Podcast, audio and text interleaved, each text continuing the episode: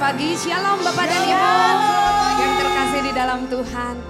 Pagi hari ini hal yang luar biasa sudah Tuhan lakukan dalam hidup kita. Amin. Yes. Pagi hari ini kita akan bersuka cita. Tuhan memberi kita kemenangan demi kemenangan. Yes. Hanya bicara tentang Tuhan Yesus pagi hari ini ya. Semuanya bersuka cita. Amin. Berikan tepuk tangan tanda engkau bersuka cita di dalam Tuhan. Terima kasih. Mari kita akan berdoa buat ibadah kita di pagi hari ini. Kami bersyukur dan berterima kasih ya Aba, ya Bapa. Atas kasih anugerahmu yang tidak pernah terlambat di dalam hidup kami. Selalu baru rahmatmu dalam hidup kami. Terima kasih Bapakku yang baik. Di pagi hari ini kami datang bersyukur dan berterima kasih. Karena engkau selalu ada di dalam setiap musim musim hidup kami. Penyertaan Tuhan baik dan sempurna adanya. Kau selalu menyertai hidup kami di mana pun kami berada, di mana pun saat ini kami berada Tuhan. Kami percaya kuasa Tuhan yes. senantiasa melingkupi kehidupan kami. Amen. Di pagi hari ini Bapak kami akan naikkan pujian dan sembah bagi Engkau Raja di atas segala Raja. Biarlah semua yang kami persembahkan berkenan di hadapan Tuhan. Yes. Dan namamu ditinggikan, diagungkan, dimasyurkan nama yang penuh kuasa. Yesus Tuhan namanya. Terima kasih Bapak bagi Tuhan segala hormat, pujian dan syukur kami. Mari yang siap memuji dan menyembah nama Tuhan bersama dengan antusian kita berkata Amin. Berikan tepuk tangan yang terbaik bagi Tuhan. Mari saya undang kita semua bangkit berdiri. Ayo bertepuk tangan semuanya. Ayo GBI PPL. Mana tepuk tanganmu? Yang di rumah jangan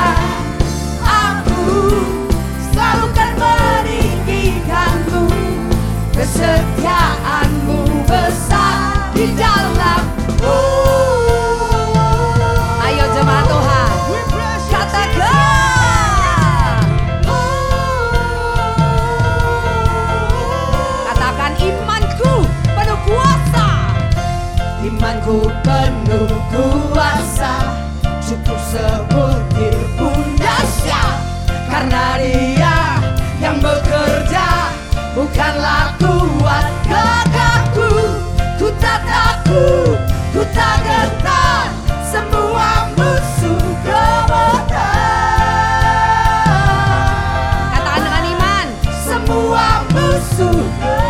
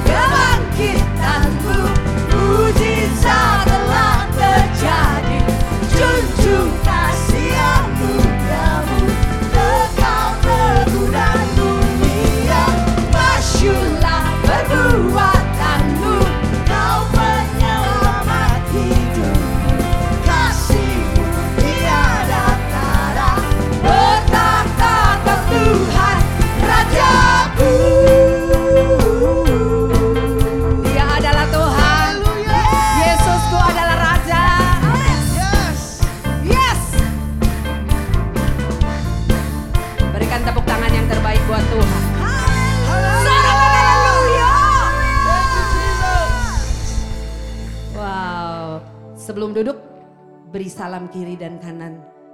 Katakan Tuhan Yesus memberkati dan mengasihi engkau. Yes, silakan duduk Bapak Ibu. Satu-satunya permata hati dalam hidup kita namanya Yesus Tuhan. Dunia ini tidak bisa memisahkan kita dari kasihnya, amin. Semua mempunyai kerinduan yang sama. Di tempat ini semua mempunyai kerinduan yang sama. Datang menyembah Tuhan dan bersyukur atas kasihnya yang tidak pernah berhenti dalam hidup kita. Amin. Siapkan hati yang benar di hadapan Tuhan. Pastikan firman-Nya memberkati hidup kita. Thank you Lord. dengan segenap hati dan jiwaku Ku datang padamu dalam kerinduan Kasihmu yang sanggup mengubahku Dan menguatkanku dalam pengharapan. Yesus engkaulah permata hatiku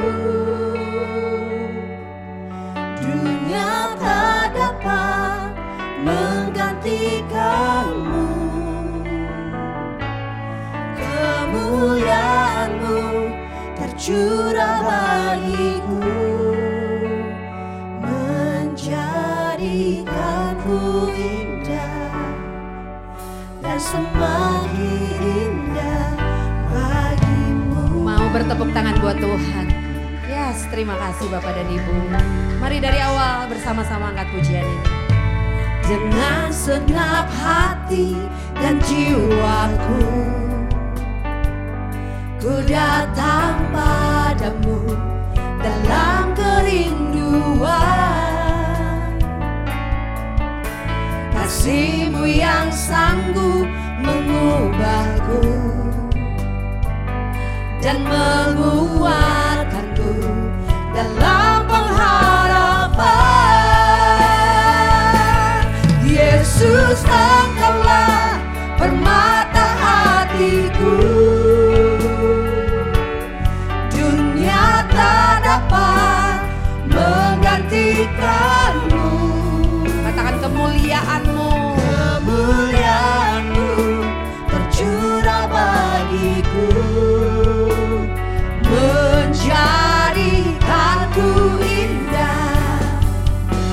Dan semakin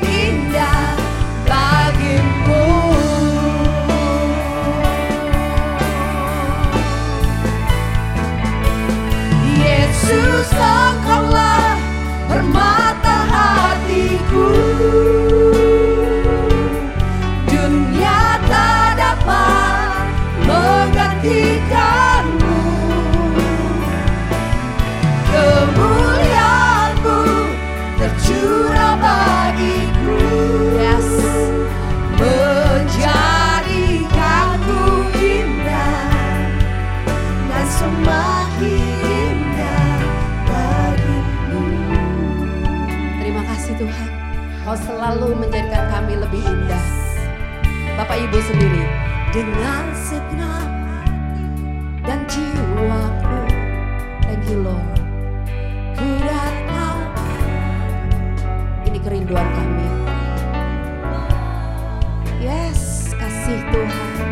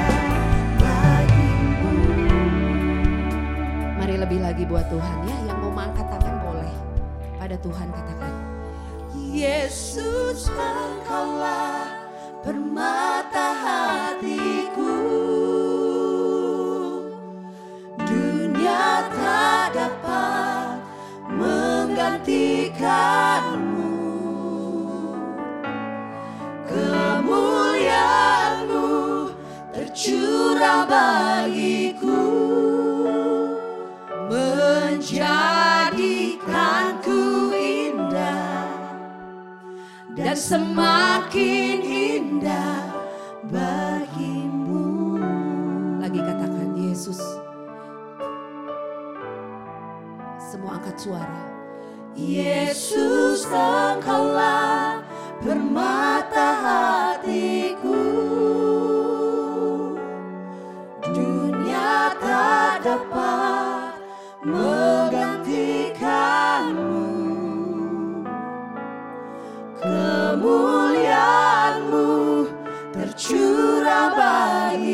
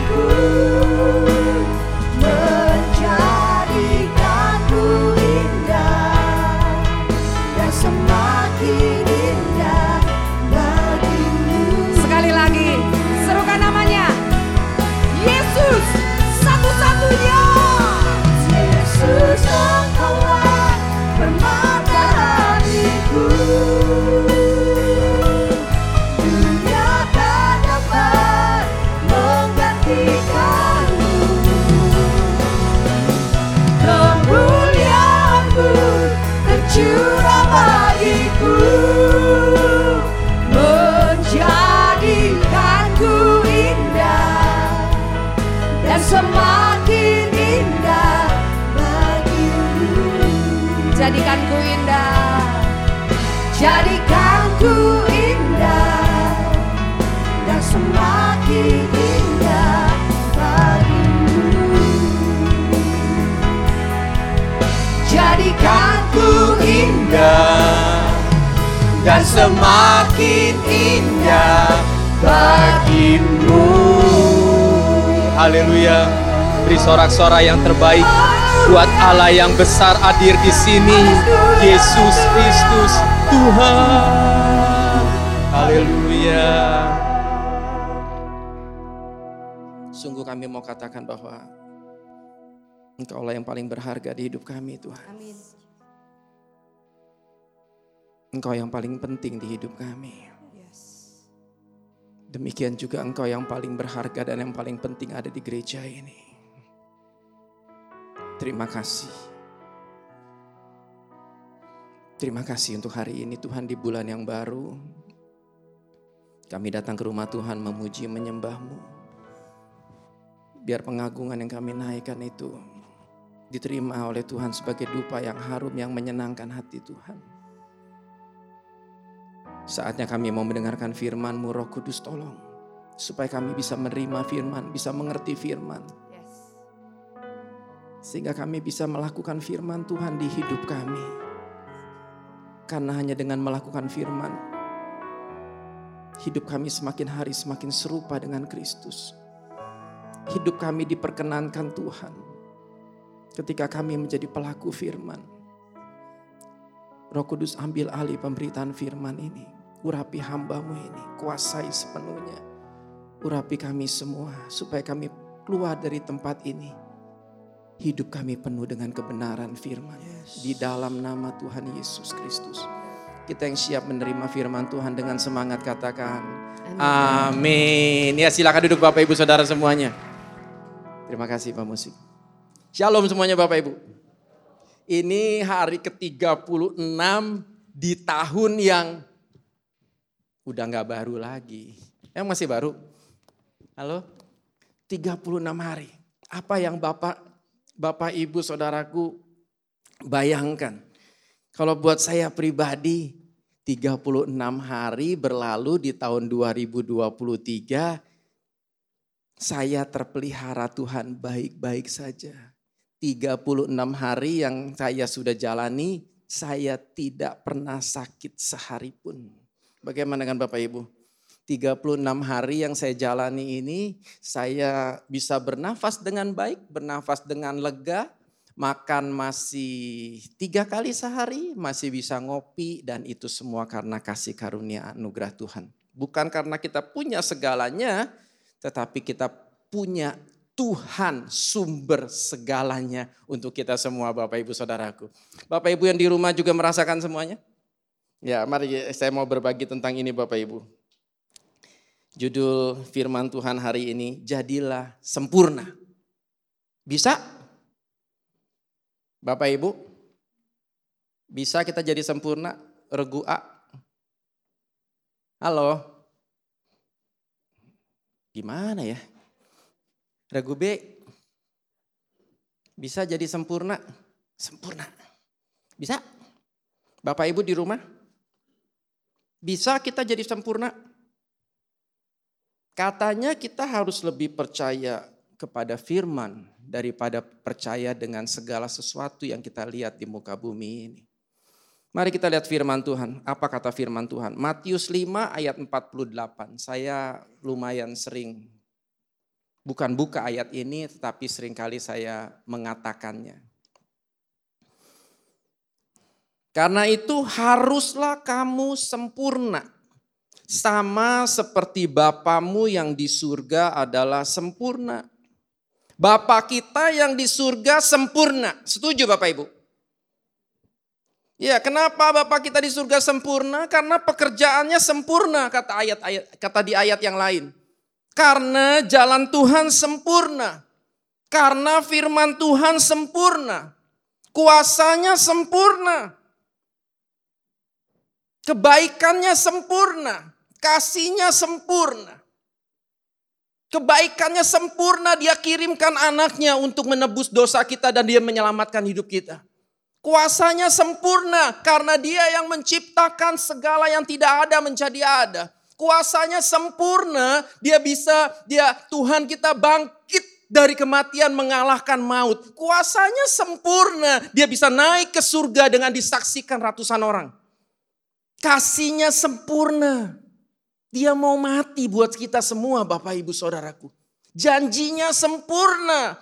Dia berikan rohnya tinggal di hidup kita Bapak Ibu Saudaraku. Perbuatannya yang sempurna itu membuat mujizat terjadi di hidup kita. Perbuatannya yang sempurna itu menjadikan keajaiban sangat bisa terjadi di kehidupan saudara dan saya. Gimana? Apakah dia Allah yang sempurna? Halo? Dia Bapak yang sempurna. Jadi Bapak yang sempurna yang memberi penilaian kepada kita anak-anaknya. Kita sempurna atau tidak? Jadi yang memberi penilaian sempurna atau tidak, Bapak yang di surga yang sempurna. Bukan manusia. Bukan si A atau si B yang menilai kita sempurna. Karena si A dan si B itu pun dia tidak sempurna. Bagaimana bisa memberi penilaian sempurna sedangkan dirinya sendiri tidak sempurna Bapak Ibu. Yang memberi penilaian adalah Bapa di surga. Oleh sebab itu, buat saya pribadi, terserah pilihan Bapak Ibu. Buat saya pribadi, kita sangat mungkin sempurna karena yang menilai kita adalah Bapa di surga yang sempurna itu. Setuju? Yang setuju katakan. Yang percaya katakan. Kesempurnaan itu milik Tuhan. Orang di luar sana bilang kesempurnaan hanya milik Allah.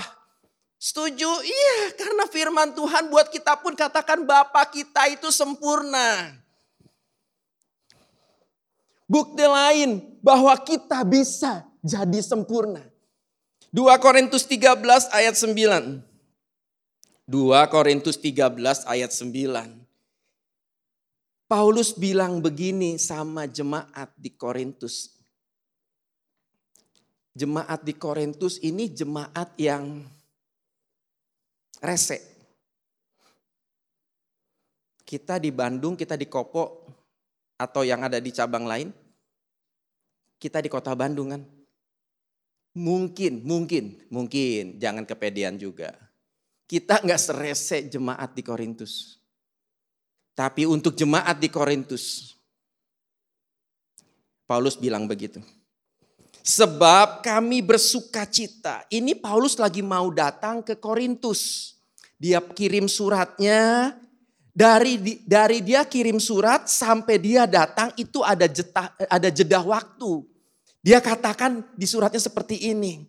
Sebab kami bersuka cita apabila kami lemah dan kamu kuat. Dan inilah yang kami doakan, yaitu supaya kamu menjadi sempurna Doa Paulus untuk jemaat di Korintus adalah supaya kamu menjadi sempurna. Berarti bisa nggak kita sempurna? Tadi yang Matius 5 ayat 48, haruslah kamu sempurna. Kalau Bapak mengatakan kita harus jadi sempurna, berarti bisa untuk jadi sempurna. Pertama, karena Bapa yang mengatakannya Bapa yang sempurna. Kedua, Tuhan Allah kita, Dia Allah yang bertanggung jawab, tidak mungkin menyuruh kita anak-anaknya sesuatu yang tidak bisa dikerjakan oleh anak-anaknya. Setuju Bapak Ibu? Paulus juga mengatakan itu. Dia berdoa supaya jemaat jadi sempurna. Ayat 11 bagian A bilang begini. 2 Korintus 13 ayat 11 bagian A. Akhirnya saudara-saudaraku bersukacitalah usahakanlah dirimu supaya sempurna.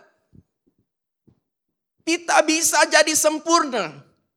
Bukan karena kita hebat, tetapi karena Tuhan Bapa di surga yang menilai kita sempurna. Karena dia adalah Allah yang sempurna. Bagian kita anak-anaknya usahakan agar kita menjadi sempurna.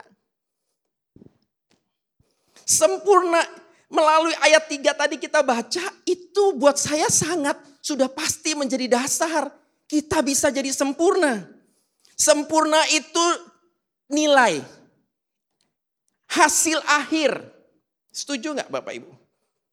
Penilaian yang penilai, sebuah penilaian yang didapat dari hasil sebuah perjalanan, dari hasil sebuah pengalaman, dari hasil sebuah keadaan yang di mana kita bagian kita menjalaninya, usahakan untuk sempurna.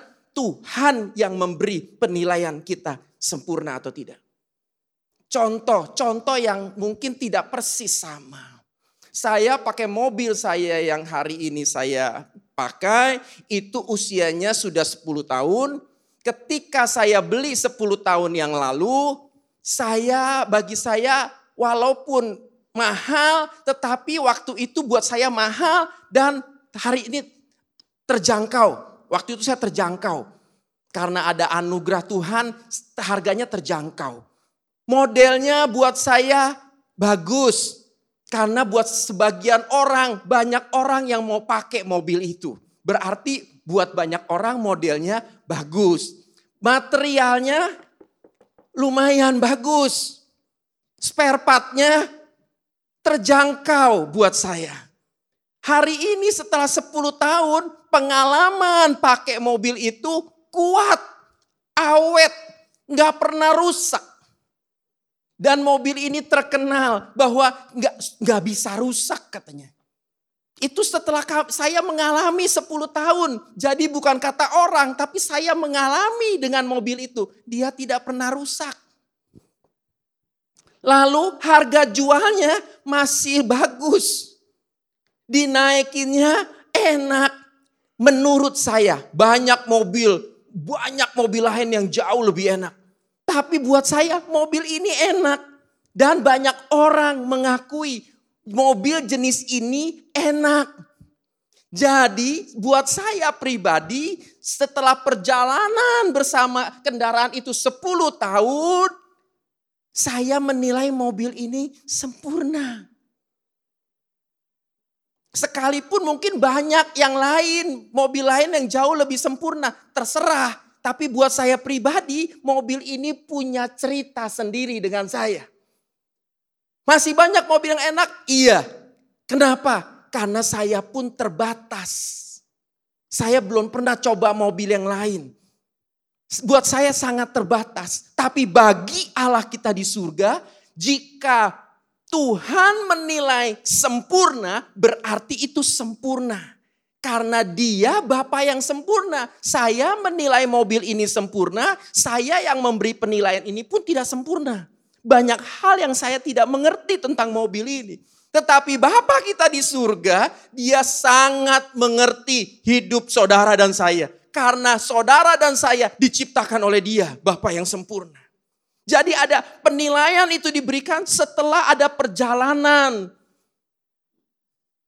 bersama dengan Tuhan. Tuhan memberi kita nilai karena nilai yang sempurna itu karena kita ada berjalan di dalam kehidupan ini bersama Tuhan. Ada penilaian di dalam perjalanan hidup kita sebagai orang percaya. Untuk kita didapati sempurna oleh Bapa di surga Paling tidak, mungkin Bapak Ibu bisa mendapatkan lebih dari saya. Saya dapatkan tujuh hal. Mari dengan cepat kita sama-sama lihat. Kembali ke Matius 5 ayat 48. Karena itu haruslah kamu sempurna sama seperti Bapamu yang di surga adalah sempurna. Jika kita panggil dia adalah Bapa di surga, pastinya kita ini anaknya. Jika Bapa kita sempurna, haruslah kita anaknya sempurna.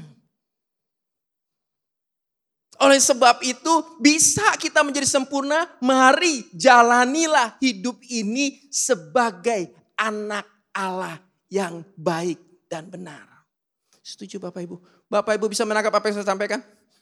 Jadilah anak yang yang baik dan benar di dalam menjalani kehidupan ini sehingga engkau tidak tertuduh oleh si jahat bahwa engkau anak yang tidak baik. Ketika kita jadi anak yang baik di mata Bapak kita, engkau sempurna anakku. Setuju ayah, para papa mama? Anak kita baik, bagus. Kita bilang ini, anak ini baik. Buat saya anak ini sempurna. Setuju? Demikian juga Bapak di surga menilai kita anak-anaknya. Yang kedua, dari Matius 5 ayat 48, saya mau bacakan dari terjemahan sederhana Indonesia. Untuk kita didapati sempurna oleh Bapa di surga, ayat ini bilang gini. Hendaklah kamu mengasihi semua orang. Dengan demikian kamu akan menjadi sempurna. Sama seperti Bapamu yang di surga adalah sempurna. Mari Bapak Ibu, mulai saat ini. Dari awal saya sudah ngomong di awal tahun. Kasihi semua orang. Waduh gak bisa tuh Pak. Saya ngasihi istri saya satu aja susah. Saya mengasihi suami saya satu aja susah. Ini ngasihi selalu baik. Ya, ya, ya, ya, saya juga nggak bisa ngasih semua. Tetapi niat hati, kuatkan hati kita untuk bisa mengasihi semua orang. Kerinduan yang dalam, apa? Komitmen hidup, keputusan yang kita buat bahwa kita harus mengasihi semua orang. Dengan keputusan yang itu, yang kita miliki untuk mengasihi semua orang. Ketika ada orang yang jahat sama kita, dengan mudah, dengan tidak berdarah-darah, kita dengan mudah bisa mengampuni orang. Halo, udah ngonci nih kayaknya otaknya sama hatinya nih. Zep. Nggak bisa aku sih suruh ngasih semua orang. Bapak emang bisa mengasihi semua ini jemaat nih yang yang yang serat hampir 200 ini. Belum bisa. Tetapi ayat yang tadi katakan usahakan dirimu sempurna saya bagian saya, saya usahakan. Mengasihi semua orang. Kembali loh, kalau itu tidak bisa dilakukan oleh setiap kita, Bapa di surga tidak mungkin menyuruh kita mengasihi semua orang. Setuju? Renungkan. Tapi permintaan saya buat juga Bapak Ibu di rumah maupun di sini. Jangan tutup dulu pikirannya. Jangan tutup dulu hatinya. Bagaimana kita mau jadi orang yang bertumbuh dan semakin mengenal Kristus ketika ada kalimat dari atas mimbar mengatakan mengasihi semua orang kita tidak setuju dengan itu dan kita tutup hati. Selamanya kita hanya jadi sekedar Kristen tetapi yang tidak bertumbuh dan tidak semakin mengenal Kristus. Buka hati, buka pikiran Bapak Ibu untuk semakin mengasihi, belajar mengasihi semua orang. Supaya penilaian Bapa atas hidup kita, kita jadi orang yang sempurna. Yang setuju katakan. Sedikit ya. Ketiga, Matius 19 ayat 21. Untuk kita didapati sempurna. Kata Yesus kepadanya, ini anak muda yang kaya datang kepada Tuhan Yesus bilang, "Guru, bagaimana caranya supaya aku bisa dapatkan hidup yang kekal?" Tuhan Yesus bilang, "Jangan membunuh, jangan berzina, jangan mencuri, jangan mengucapkan saksi dusta, hormati ayah dan ibumu, kasihi semua orang." Waduh, kalau itu semua aku sudah lakukan, Guru. Hebat ya? Ayat ini 21 bilang gini, kata Yesus kepadanya, jikalau jikalau engkau hendak sempurna. Pergilah, jualah segala milikmu dan berikanlah itu kepada orang-orang miskin, maka engkau akan beroleh harta di surga. Kemudian datanglah kemari dan ikutlah aku. Jika engkau hendak sempurna. Dari tadi satu, kedua, ini yang ketiga. Ini semua alasan, kembali alasan yang semakin kuat kita bisa jadi sempurna menurut Bapa di surga. Jika engkau mau jadi sempurna, pergilah jualah segala harta milikmu. Apa sih maksudnya jualah milikmu? Sesuatu yang mengikat hidup kita, lepaskan. Janganlah sesuatu mengikat hidup kita sehingga menjadi beban bagi kita Bapak Ibu. Karena kejelas. Tidak membunuh, jangan membunuh, jangan mencuri, jangan berzina, hormati ayah dan ibumu, jangan berdusta, jangan saksi dusta. Kasihi semua orang, dia sudah lakukan semuanya itu. Jika dia bisa melakukan semuanya itu, maka orang Kristen di tahun 2023 pun bisa melakukan seperti anak muda itu. Untuk kita jadi sempurna, Jangan ada sesuatu yang mengikat di hidup kita sehingga itu sangat membebani perjalanan rohani kita. Apa yang mengikat buat orang muda ini? Hartanya. Karena ayat 22 bilang gini, ketika orang muda itu mendengar perkataan itu, pergilah ia dengan sedih sebab banyak hartanya. Apa pun, saya, ayat ini bukan lagi bicara tentang jika punya satu kasih semua orang, jual semuanya kasih, bagi-bagi semua bagi-bagi. Enggak, enggak, enggak. Saya selalu bilang Tuhan selalu mengajar keseimbangan Bapak Ibu. Kita punya harta Tuhan tahu untuk biaya hidup, untuk tanggung jawab hidup kita, keluarga kita, anak-anak kita. Tuhan tahu untuk jadi berkat buat orang lain. Tuhan tahu. Tuhan tahu artinya jual milikmu adalah buang, lepaskan segala sesuatu yang mengikat hidup kita sehingga sangat menghalangi pertumbuhan rohani kita. Uang, perusahaanmu, kepandaianmu, keluargamu, cucumu. Berapa banyak Engkau emak yang kalau udah sama cucunya, dia bisa lupa ke gereja. Karena cucu ini datangnya seminggu hanya sekali. Pas hari minggu deh. Halo, kita nggak mau kehilangan dua jam di dalam hadirat Tuhan, di rumah Tuhan, hanya gara-gara cucu kita datang di rumah kita. Wow. Lepaskan Bapak Ibu. Belajar semakin hidup bertumbuh dan semakin mengenal Kristus. Karena jika ada sesuatu yang melebihi Tuhan Yesus, kita nggak layak di hadapannya. Bapak Ibu siapa yang bisa menangkap maksud saya katakan amin. Yang keempat, bagaimana untuk kita bisa mendapati sempurna di hadapan Bapa di surga. 2 Korintus 13 ayat 9 yang tadi saya bacakan dari terjemahan sederhana Indonesia. Kami senang kalau ternyata kalian sudah berdiri teguh dalam persatuan dengan Tuhan waktu kami tiba. Waktu Paulus datang sampai di Korintus, Paulus katakan dia senang kalau ternyata lihat jemaat Korintus, uh jauh lebih bersatu dengan Kristus.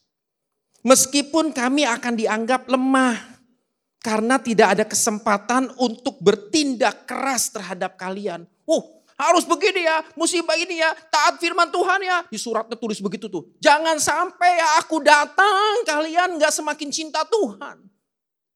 Tapi aku senang loh, kalau aku datang, Aku nggak usah marah-marah, kata Paulus. Nggak usah bertindak keras, tapi kalian semua sudah bersatu. Jangan sampai ada yang bilang, udah datang suaranya melempem, eh nggak segalak di surat. Kenapa? Karena sudah, sudah, sudah pada baik. Kenapa mesti mesti keras? Paulus lagi ngomong begitu tuh. Kami juga berdoa supaya kehidupan rohani kalian semakin dewasa. Tadi di terjemahan TB dikatakan supaya kamu menjadi sempurna. Kata supaya kamu menjadi sempurna di terjemahan sederhana Indonesia dipakai kata supaya kehidupan rohani kalian semakin dewasa. Untuk kita didapati sempurna, jadilah dewasa di dalam Tuhan. Dewasa secara jasmani. Bertang, apa sih artinya dewasa? Bertanggung jawab. Bertanggung jawab dengan keluarga, dengan pekerjaan, dengan diri kita, dengan tubuh kita ini loh. Bertanggung jawab di dalam pelayanan. Itu tanggung jawab jasmani. Tanggung jawab kita dalam rohani. Ada lagi, kita harus bangun rohani kita ini Bapak Ibu.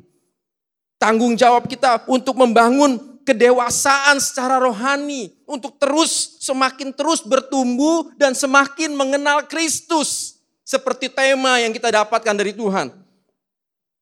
Salah satu cara jemaat Tuhan di PPL, salah satu caranya untuk kita terus bertumbuh dan semakin mengenal Kristus. Ada MK, ada kelas mengenal Kristus untuk kita belajar agar rohani kita bertumbuh. Ikuti MK bagi Bapak Ibu Saudaraku juga yang di rumah maupun yang di sini. Yang belum mengikuti kelas ini, belajar. Saya juga nggak suka dulunya, tetapi saya mau belajar. Kenapa? Dengan mengikuti kelas MK saya banyak lebih tahu tentang kebenaran dan saya mulai belajar melakukannya. Tiga bulan ke depan. Butuh waktu tiga bulan untuk mengikuti kelas. Buat Bapak Ibu Saudara yang belum mengikutinya, daftar. Nanti ada meja counter yang yang bisa Bapak Ibu mendaftar. Segera mendaftar. Karena besok Kamis, Kamis tanggal 9 jam 7 malam kelas pertama akan diadakan. Tiga bulan ke depan.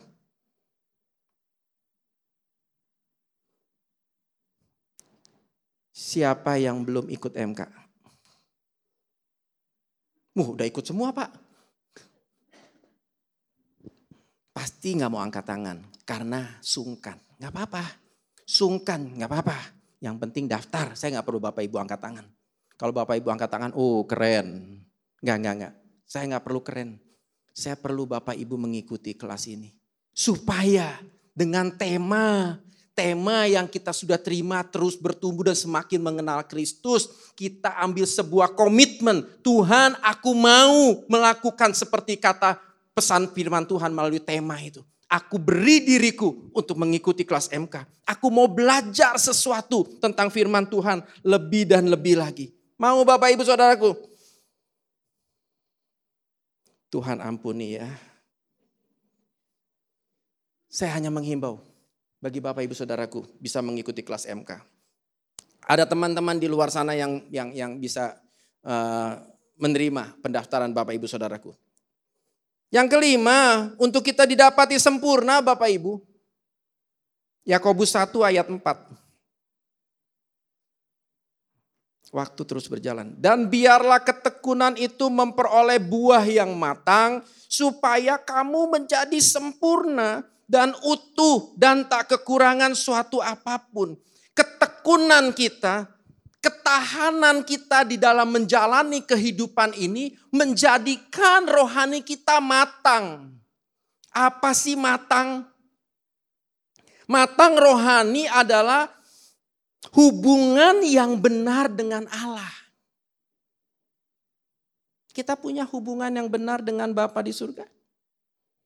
Atau bapak-bapak kita-kita. Bapak kudus, kita kudis. Punya hubungan yang benar dengan Bapak. Apa sih matang rohani, taat, dan kemurnian dalam kita mengasihi Tuhan. Apakah selama kita jadi Kristen, kita murni di dalam mengasihi Tuhan?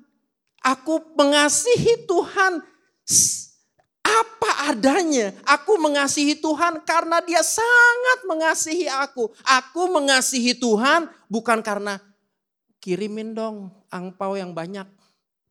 Kirimin dong mobil baru.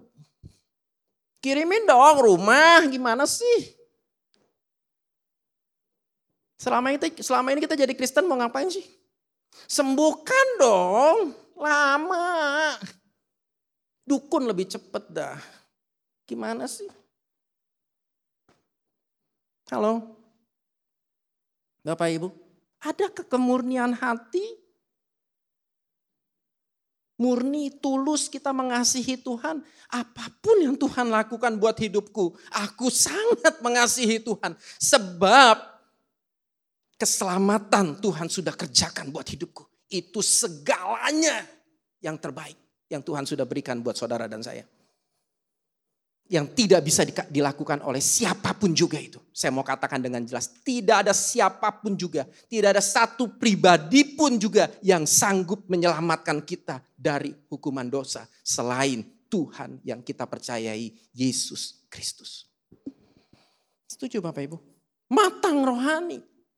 Kalau mentah rohani, segala sesuatu yang mentah itu nggak baik. Segala sesuatu yang matang itu baik adanya dan sangat baik. Setuju kan? Saya tidak mau panjang-panjang di sana. Yang keenam, Yakobus 3 ayat 2. Untuk kita didapati sempurna oleh Bapa di surga.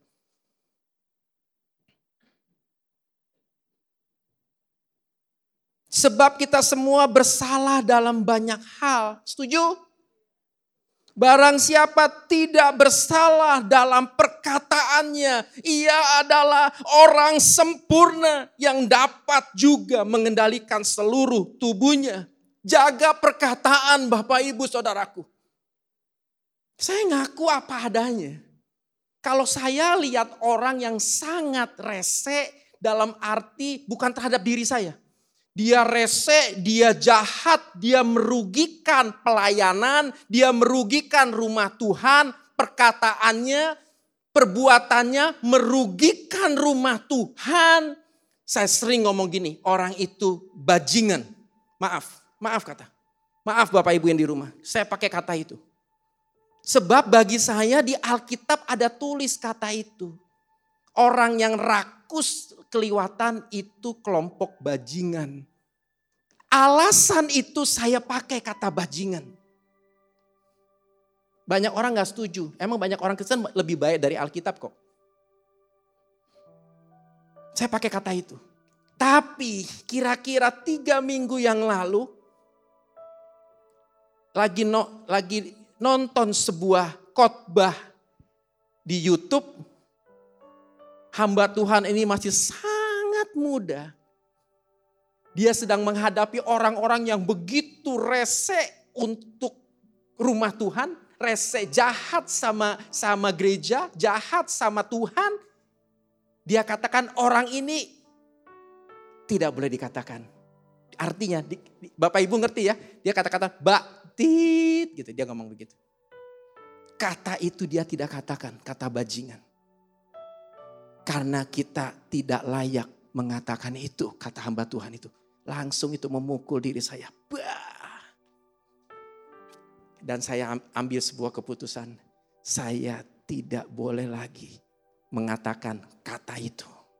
Apa pun yang terjadi. Kalau Alkitab menulis kata itu. Tuhan yang tanggung jawab. Tapi kalau itu yang saya yang katakan keluar dari mulut saya, saya harus pertanggungjawabkan di hadapan Tuhan. Saya nggak mau. Saya bertobat dari kata itu. Yang paling sering dengar saya ngomong itu adalah pemimpin-pemimpin saya. Kalau lagi rapat, kami lagi bahas seseorang yang sangat merugikan rumah Tuhan, sangat rese aja pokoknya dah jahat sama Tuhan, jahat sama gereja Tuhan. Saya bilang itu orang bajingan. Saya saya saya memaklumi kata itu. Tapi mulai tiga minggu yang lalu, saya harus stop mengatakan itu. Hari ini saya ngomong kata itu hanya memberi contoh buat Bapak Ibu. Betapa kita harus jagai perkataan kita. Karena kesalahan kita banyak, sangat banyak. Tapi setiap kita yang bisa jaga perkataan, Tuhan katakan engkau orang yang sempurna. Saya mau didapati sempurna di hadapan Tuhan. Saya jaga hidup saya. Saya himbau, saya mengajak kita semua jemaat di tempat ini maupun yang di rumah. Mari jagai perkataan kita. Yang terakhir yang ketujuh dengan cepat. 1 Yohanes 2 ayat 5. Tetapi barang siapa menuruti firman, firmannya di dalam orang itu sungguh sudah sempurna kasih Allah. Dengan itulah kita ketahui bahwa kita ada di dalam dia. Taat firman Bapak Ibu Taat firman bukan jago hafal firman. Taat firman itu adalah taat melakukan firman. Dan kasih Allah sempurna dalam kita. Wow, bisa kita seperti Yesus? Tapi orang yang taat firman, dia didapati kasihnya sempurna seperti kasih Yesus sempurna adanya. Bapak Ibu bisa menangkap apa yang saya sampaikan pagi ini? Mari Bapak Ibu segala sesuatu yang mulia, yang bernilai tinggi, tidak mudah didapatkan. Setuju? Keselamatan Tuhan sudah berikan buat kita. Tanpa sebelum kita berbuat sesuatu. Mari keselamatan yang Tuhan sudah berikan buat hidup kita. Jagai hidup kita sempurna, didapati sempurna oleh Bapa di surga. Mari kita tunduk kepala. Tuhan Yesus terima kasih untuk segala yang baik yang Tuhan kerjakan buat kami.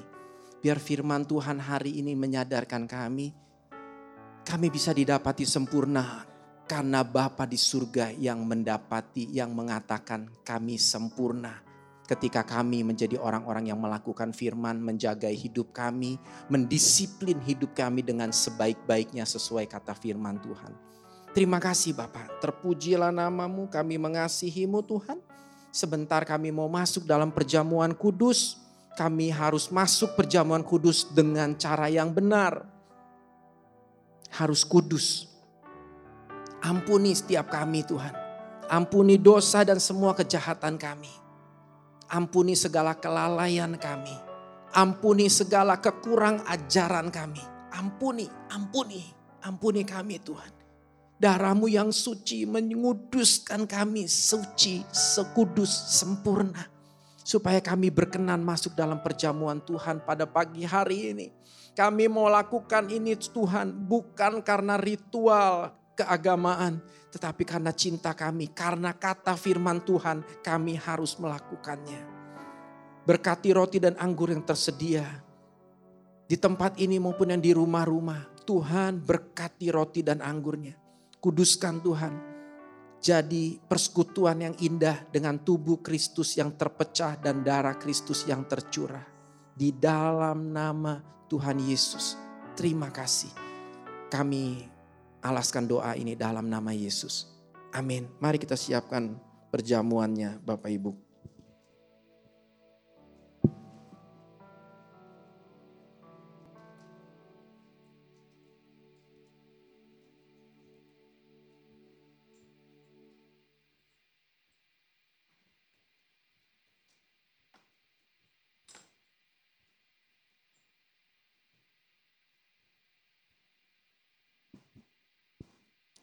Semuanya sudah dapat anggur, roti anggurnya?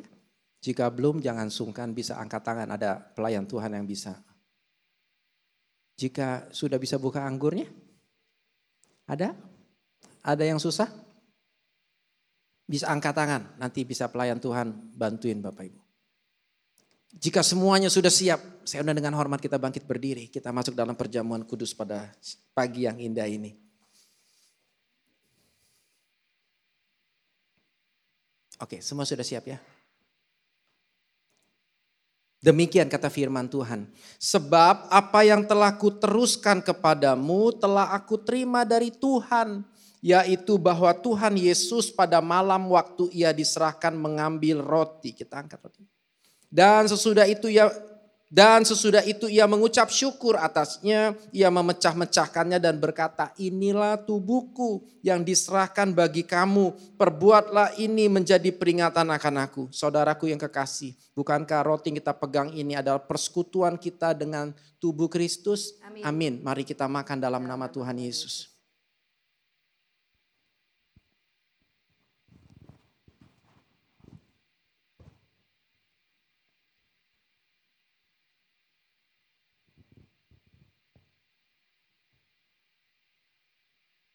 Terima kasih Tuhan Yesus. Kita mengangkat cawannya.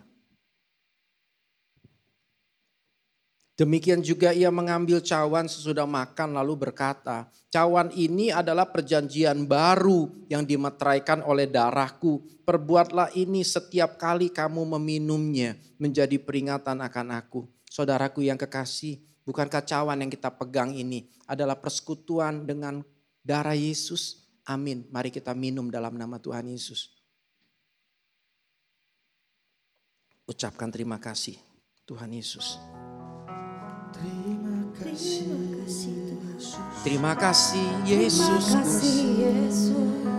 Terima kasih Tuhan Yesus. Kasihmu menyelamatkan hidup kami. Kebaikanmu Tuhanku Yesus. Jadikan kami. Jadikan kami selamat. Terima kasih Yesus. Terima kasih. Terima kasih. Terima kasih. Terima kasih.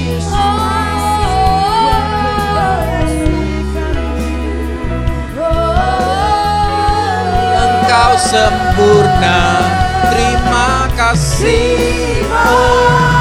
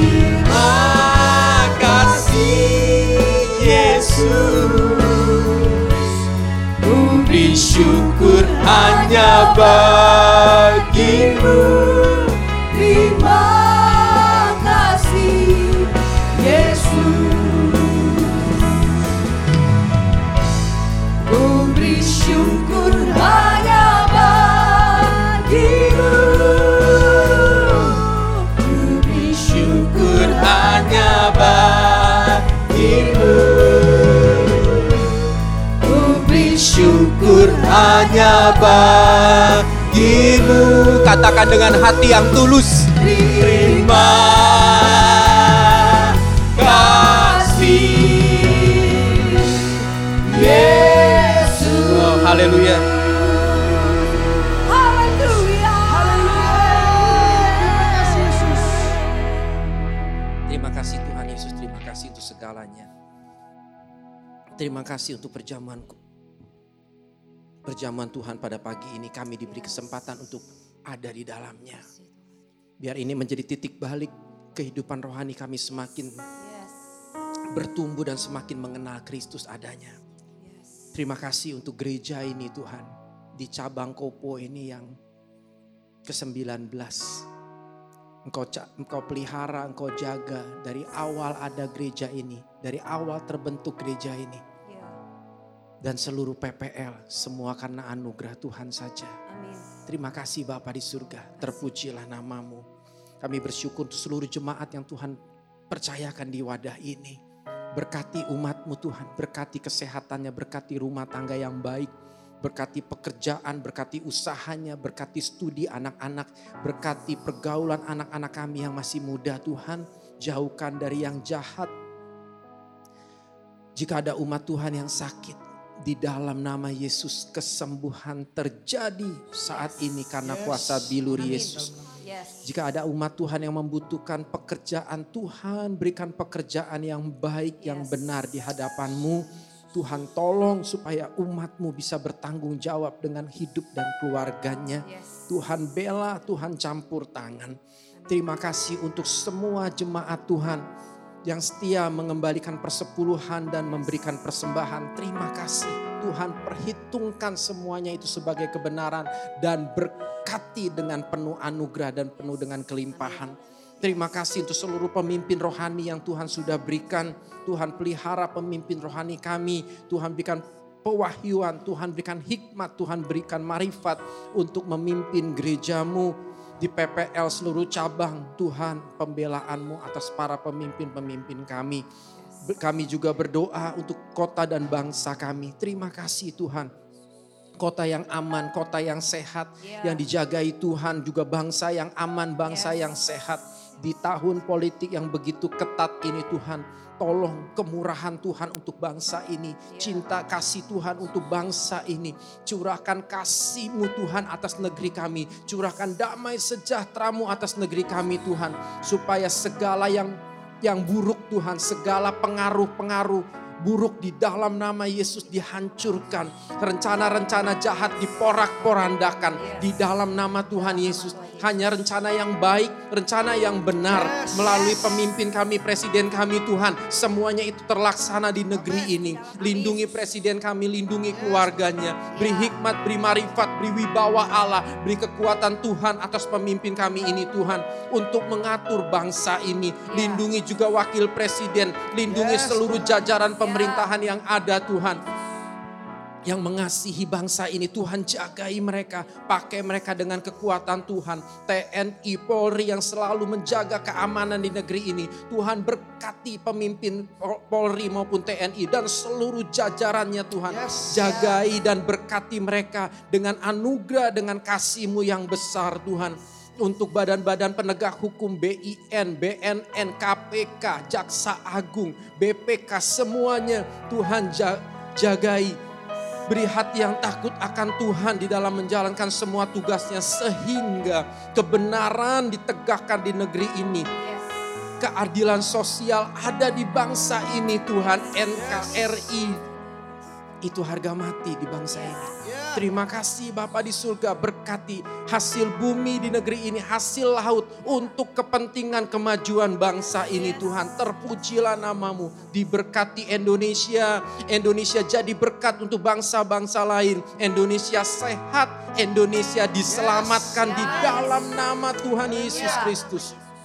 Dari timur ke barat, dari utara ke selatan, Indonesia diselamatkan Tuhan di dalam nama Yesus Kristus. Terima kasih Bapa di surga.